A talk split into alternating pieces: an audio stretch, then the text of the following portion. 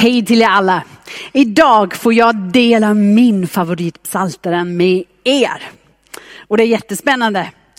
Men det var inte så lätt först att tänka, för det finns ju så många som jag verkligen tycker om. Speciellt, speciellt de psaltaren som, som låter mig jubla och sjunga och bara sprudla över med glädje. Alltså det finns massor av dem som jag verkligen tycker om. Men det finns en psaltaren som blev en viktigt vändpunkt i mitt liv. När jag var 16 år gammal. Den talade så rakt i, i min livssituation. Och jag var redan frälst och, och döpt, men jag gick igenom en troskris. Och då blev detta psaltaren en del av en avgörande Guds möte, en gudsmoment i mitt liv. Och där bestämde jag mig på nytt att verkligen ha ett radikalt liv med Gud och leva för honom. No matter what. Men den story kommer lite senare in i min predikan. Så vilken saltaren är det? Det är salteren 73. Och det är också mitt födelseår, så det är jättelätt för mig att komma ihåg det. Kanske inte för er, men för mig. Så Psaltaren 73, den har 28 verser och jag kommer att läsa den, de här verserna ja, på olika tillfällen nu. Så Psaltaren 73. Men innan, ja 20, 28 skulle jag säga, det kanske vill jag vara så gammal, men nej det är jag inte, för 73.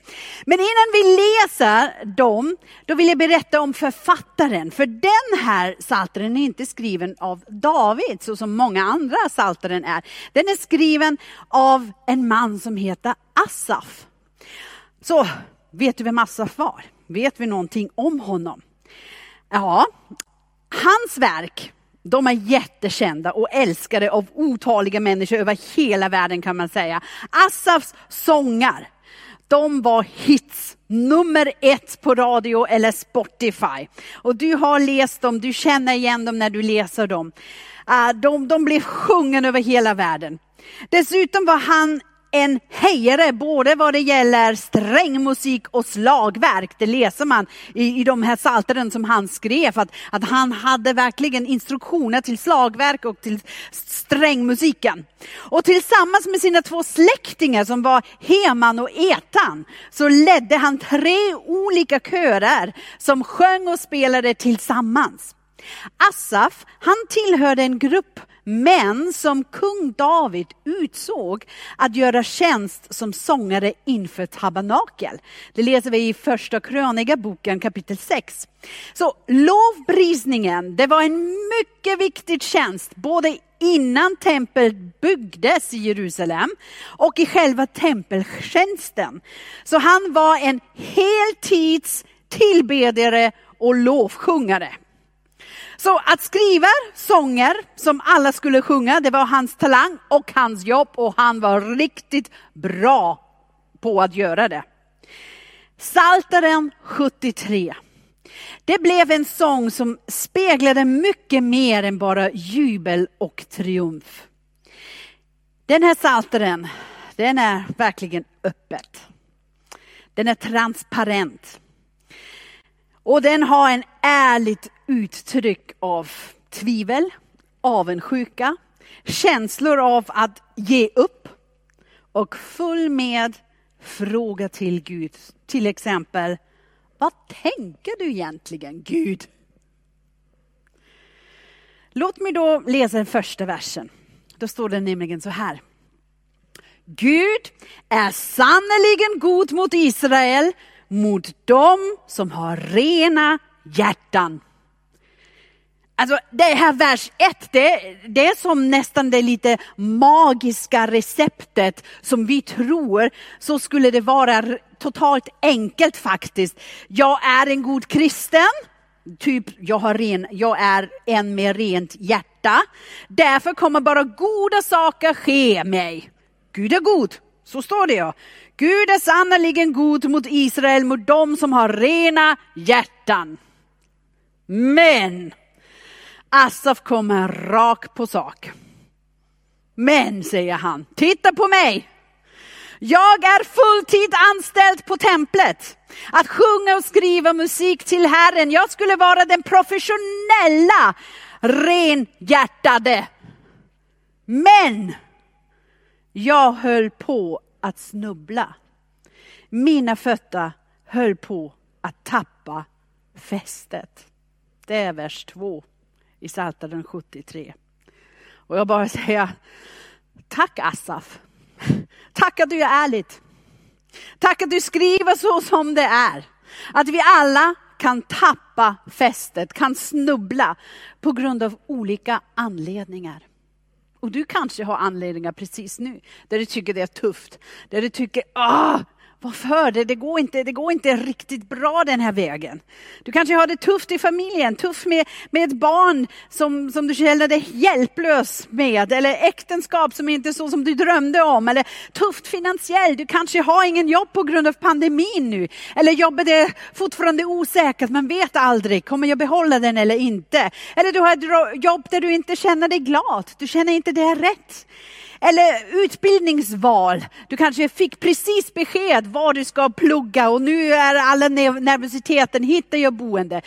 Kommer det allt att klara sig? Ah, eller sjukdom. Du kanske går med en sjukdom som hela tiden som är med dig, som plågar dig. Eller smärta och lidande i din familj av en som är nära och kära dig. Ah, det finns så massor med saker som man undrar. Gud, skulle det vara för givet att jag håller mig nära dig, att jag tror på dig, talar med dig. Var är du i alla de här situationerna? Ja, och så tittar Asaf på hans granne som inte jobbar på templet, kanske även har en så halvkriminell jobb, gör inte rätt med skatt och behandlar sin familj dåligt, men ändå känns det så som han, den här typen har typ allt som han drömde om. Det läser vi i verserna 3 och 12. Vad jag sa nu, lite annorlunda. Men jag läser lite genom dem här, jag bara plockar lite. Det står det så här. Jag var avundsjuk på de högmodiga då jag såg de gudlösas framgång. De slipper svårigheter ända fram till sin död. De är friska och välmående. De råkar inte i människans nöd och plågas inte som andra.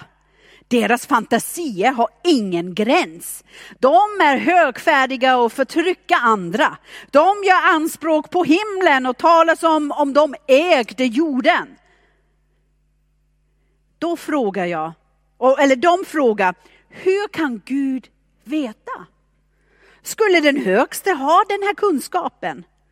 Så är det med de gudlösa. Ostörda ökar de alltid sin rikedom.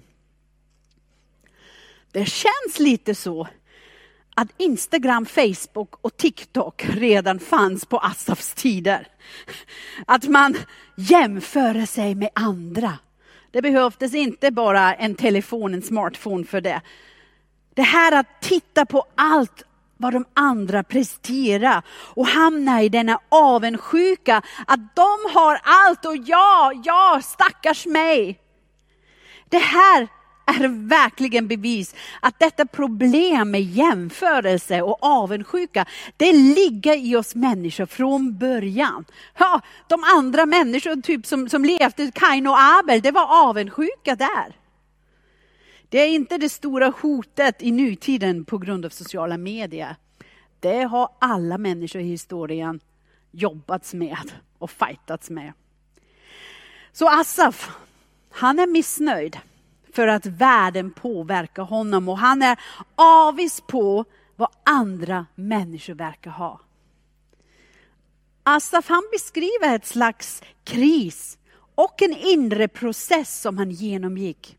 Ja, han blev avundsjuk och bitter mot de till synes lyckliga och sorglösa människor som inte brydde sig om Gud. Deras övermod, det plågade Asaf.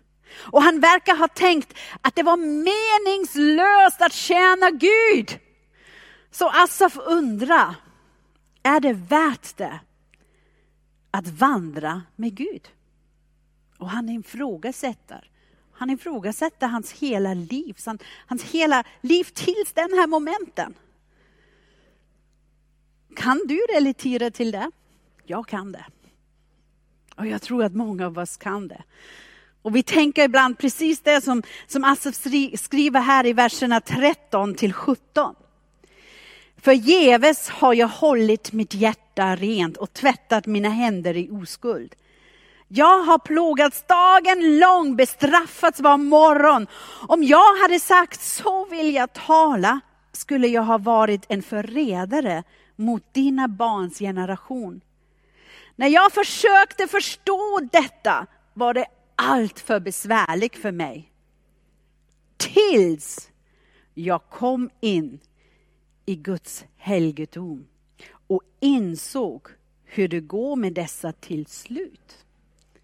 Plötsligt, här, då läser vi om en perspektivförskjutning kan man säga. Mitt i detta saltaren så tittar Asaf på Gud. Han tar sina ögon från världen och från sig själv och han fokuserar uppåt. Och när han fokuserar på Gud, då förändras hans tänkande. Hans perspektiv skiftar för att bli evigt. Han börjar inse vad verkligheten är. Det kan se ut som att de, de här andra människorna som föraktar Gud, de har allt. Men det har de inte. De har verkligen ingenting och vad de verkar ha, det kommer inte att hålla i evighet. Även om Assaf, en, en troende, enligt samhällets standard inte hade mycket, inser han att han har allt. Eftersom han har Gud och han har evigheten framför sig. Så han beskriver hur situationen förändrades när han gick in i helgedomen och plötsligt insåg han de andras öde. Då löstes han ur denna kris och han fick tillbaka sin förtröstan på Gud. Asaf mötte Gud. Han kom in i hans närvaro på ett sätt som hjälpte honom ur hans förtvivlan och känslor av meningslöshet. Och detsamma det gäller oss idag. Vi kan också kämpa med dessa tankar, känslor och massor med frågor till Gud. Men vet ni, vi, vi kan ännu mer få lära känna Gud för vi har Jesus Kristus redan. Och vi behöver inte uppsöka en, en helgedom utan du kan möta Gud precis där, där du är. Där, själv, där, där du är och inför honom, bara tillbe honom i ande och i sanning, både utgjutet i vårt hjärta. Men låt mig bli nu lite personlig och berätta om min story, varför den här saltaren betyder så mycket för mig. För jag, jag upplevde precis samma sak. Jag var 16 år gammal och det var bara har gått ett år efter att jag blev döpt. Och jag var jätteaktiv i församlingen. Jag var med och var med i söndagsskola och ungdomsråd och sjöng mycket och jag gjorde radioprogram för ungdomar och jag var jätteaktiv. Jag var med i bönemöte på tisdag kväll där man inte satt men man, man var på knä och det var jag som var 15, 16 och den som var ungst efter mig det var 50-åring eller 60-åring. Men jag gick det för jag hade en längtan. Jag, jag verkligen, jag ville vara nära Gud. Men jag hade det också jobbigt. I skolan. Med mina betyg. Och vet ni vad? Jag var sämst i engelska. Det som jag nu pratar flytande. Och mina barn även. Men jag, jag kunde prata men jag kunde inte skriva. Jag hade så svårt. Och min lärare, hon var så sträng. Och jag satt där och jag pluggade och jag tänkte varför Gud? Varför? Jag gör så mycket för dig. Jag lägger så mycket tid ner och jag är så mycket nere dig. Varför har jag det så jobbigt? Och de andra som inte är kristna, de har det så lätt. I skolan, då kallade de mig nunna. Och jag tyckte det var helt okej, okay, för med det namnet så visste alla i en katolsk land vad jag står för på, på det sättet. Men, men det var i min klass, de visste att jag var kristen. Och då tänkte jag, nej, vet du vad Gud, nu har jag försökt leva ett liv med dig. Ja, nu vill jag göra det annorlunda. Och för mig var det så här, det var, jag kommer ihåg, det var torsdag eftermiddag. Jag tog en flyttkartong och jag stoppade in alla mina biblar, jag hade flera biblar i flera språk, alla mina biblar in i flyttkartonger, alla mina notisböcker från olika ungdomsläger och, och kamp och all, barnläger och allt vad jag hade som var kristen in i flyttlådan. Och jag bärde ner det i källaren. Och så ringde jag min klasskompis. Och så sa jag till henne, nu på helgen, då går jag med er, festas och dricka. Va? sa hon. Verkligen? Japp, det gör jag. Okej okay, Rut, säger hon. Okej, okay, ja, jag, jag återkommer var vi träffas och sådär. Så ja, bra. Fredag kommer. Och plötsligt hade jag en dåligt samvete. Inte en dåligt samvete för min beslut. Men jag tänkte lite så här. När man tar slut, eller gör slut i en relation, då måste man vara så pass fair, fair säger man det så, att man ger den andra parti chansen att prata också. Och jag visste att det gjorde jag inte. Jag gav Gud ingen chans att tala. Och nu bara en, en tips för framtiden när du tar slut med någon eller gör slut med någon. Gör det inte med en sms eller en e-mail. Uh -uh. Ansikte mot ansikte. Var inte feg. Det är verkligen viktigt. Okej, okay, tänkte jag. Jag ger Gud en chans att säga någonting. Det, det är jag skuldig, säger man så? Ja. Så jag gick ner i källaren, tog ut min bibel, bara bibeln, jag tog inte hela flyttkartongen, bara bibeln, gick upp igen i min, till min rum. Och då sa jag, tog jag den här bibeln och sa, okej okay, Gud, du har en chans nu. Jag ger dig en chans, nu kan du tala till mig. Jag bara öppnade bibeln och gjorde det så här med min finger i bibeln. Och då landade jag i Salteren 73. Och jag började läsa. Och för mig var det som, va?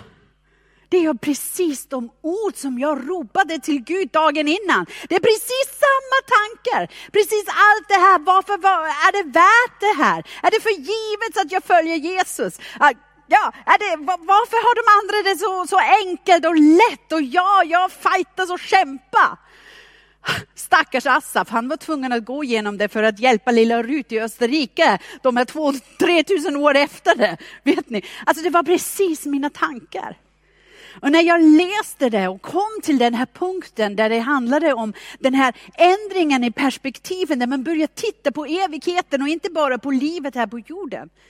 Då hade jag för första gången i mitt liv en andlig syn eller en andlig bild framför mina ögon. Det var så klart. Jag såg två tross, stora tross. Och i början av de tross så var de i en stor knut som, som lag där. Och efter det så ringlade de sig som en serpentin uppåt och när man bara tittade så kunde man inte se slutet av den här tross. Och det var den ena och parallellt var det den andra. Och den första, det, där hade den här knut av den här trossen, det var lite smutsigt och, och lite man kunde se äh, alltså, saker som bara var inte fint. Men resten, efter den här knuten, då var den här trossen rent, strålande vit och bara gick uppåt, uppåt, uppåt. Och den andra hade tvärtom. Då var den här tross där, knuten, den var fint och rent och, och strålande. Men precis efter började den här trossen att vara smutsigt och äckligt och det bara rinde av äckligt grej och gegga och allt möjligt. Och man tittade uppåt och det var, du kunde inte se slutet. Och så hörde jag bara Gud säga, Rut, det, du får välja. Du får välja, du, vad du väljer nu, det, det, det som sker på jorden det är ingenting jämfört med evigheten. Välja nu. Och vad du väljer är evigheten. Och då bara var det för mig så tydligt. Var, var, varför tänker jag att här på jorden behöver jag bara strålande och bästa och allt möjligt när Gud har lovat mig det bästa i evighet. Det kommer aldrig att ta slut och det är min! Det har han utlovat.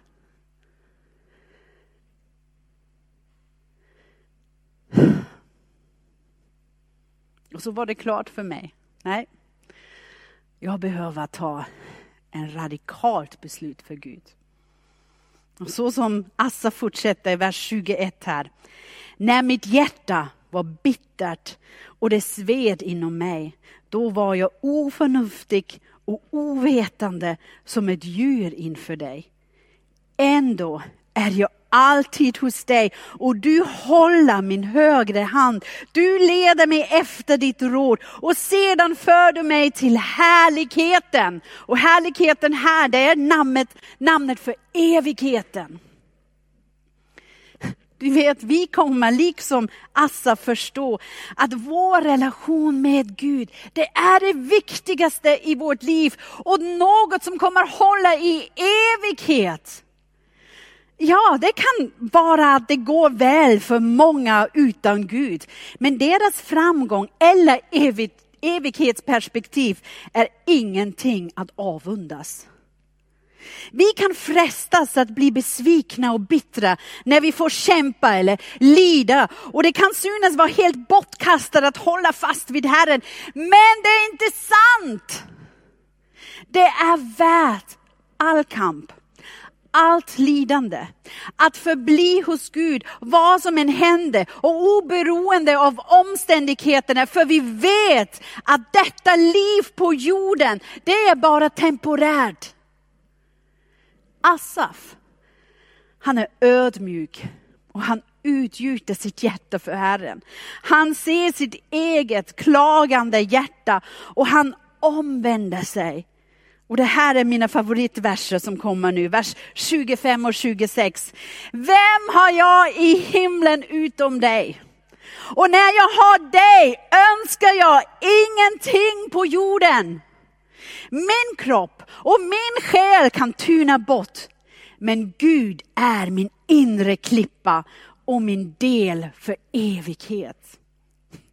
Vill vi inte alla vara där? Vill vi eh, kunna säga att inget i det här livet är lika bra som den smak av att tillhöra Herren? När vi väl har smakat det, då inser vi att inget annat någonsin kan jämföras. Assa förstod detta perspektiv. Det gick från hans huvud till hans hjärta, för han såg på Gud det finns en sådan läxa för oss.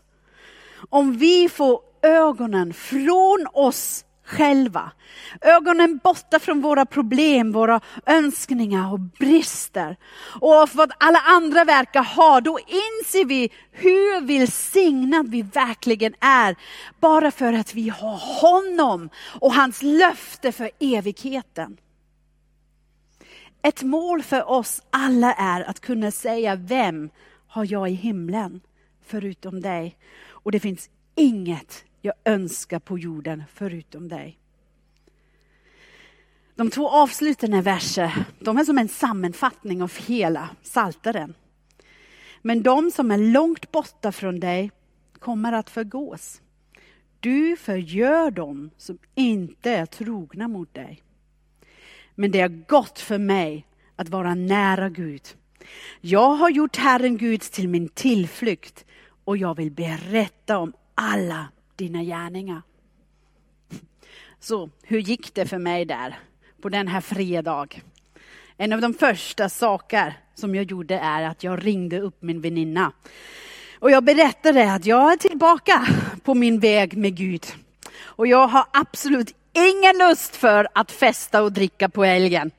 Hon bara storskrattade och sa, ja men det visste jag att du skulle ändra dig. Vi slog vad om, om du skulle komma eller ej och jag vann, sa hon. Ja, och det är jag bra att min nunna-stämpel, den var kvar. Och jag bär den, bärde den med stolthet. Gud kan föra oss från kris till pris. Så låt oss lova och prisa Gud för hans trofasthet och godhet. Han förstår våra kriser och svårigheter och han hjälper oss igenom. Och han tittar inte på oss och säger, nej, nu ifrågasätter hon igen. Nej, han säger kom till mig. Kom och säg till mig, precis som Asaf. Skriv en sång med alla dina klagor och frågor, det spelar ingen roll. Gud är bara glad att du är öppet och ärligt. Det underbara är att vi får vara helt ärliga inför honom och samtidigt fullkomligt trygga. Han vet redan allt och känner oss i sin stora kärlek och nåd. Och då vill jag läsa en bibelvers som inte står i Psaltaren 73, men i Hebreerbrevet kapitel 4, vers 16. Vi kan därför utan minsta rädsla komma till Gud när vi råkar i svårigheter och lita på att han i sin godhet förlåter oss och ger oss den hjälp vi behöver. Och jag vill be till avslutningen att vi har den här skift i vårt perspektiv och att vi ser evigheten framför oss. Herre, jag tackar dig. Jag tackar dig att du förväntar dig ingen perfekt liv, men du förväntar dig att vi kommer nära dig med allt. Men, men när det går väl, men också de här tiderna där vi kämpar, där vi har det jobbigt, där vi vet inte om det är verkligen värt allt det här. Det, det säger du bara, kom till mig utan rädsla, säg till mig allt som du tycker och tänker. Men Herre, låt oss alltid, alltid ha den här evighetsperspektiven framför oss. Att vad vi har i himlen, det är allt vi behöver. Och att vi inte behöver även någonting annat här på jorden. Att det är bara temporärt. Men vi vill hålla oss nära dig. Vi vill komma in, in i din närvarande. Och vi vill bo där, vi vill vara där. Vi vill bygga vårt liv hos dig Jesus. Herre, jag tackar dig att du är nu med var och en. Och vi behöver inte söka upp ett helgedom, men du säger att din heliga ande bor i oss. Och nu ber jag för var och en som sitter där hemma eller var som helst och lyssnar och, och säger att det här det var för mig. Då säger jag till dig, sa ett ja till Jesus igen. Överlämna ditt liv igen till Jesus och bara, bara uttrycka vad Jesus och Gud betyder för dig och att du vill vandra hand i hand med honom och inte titta på allt annat men vara en radikalt efterföljare. Och Jesus kommer att välsigna dig. I Jesu namn. Amen.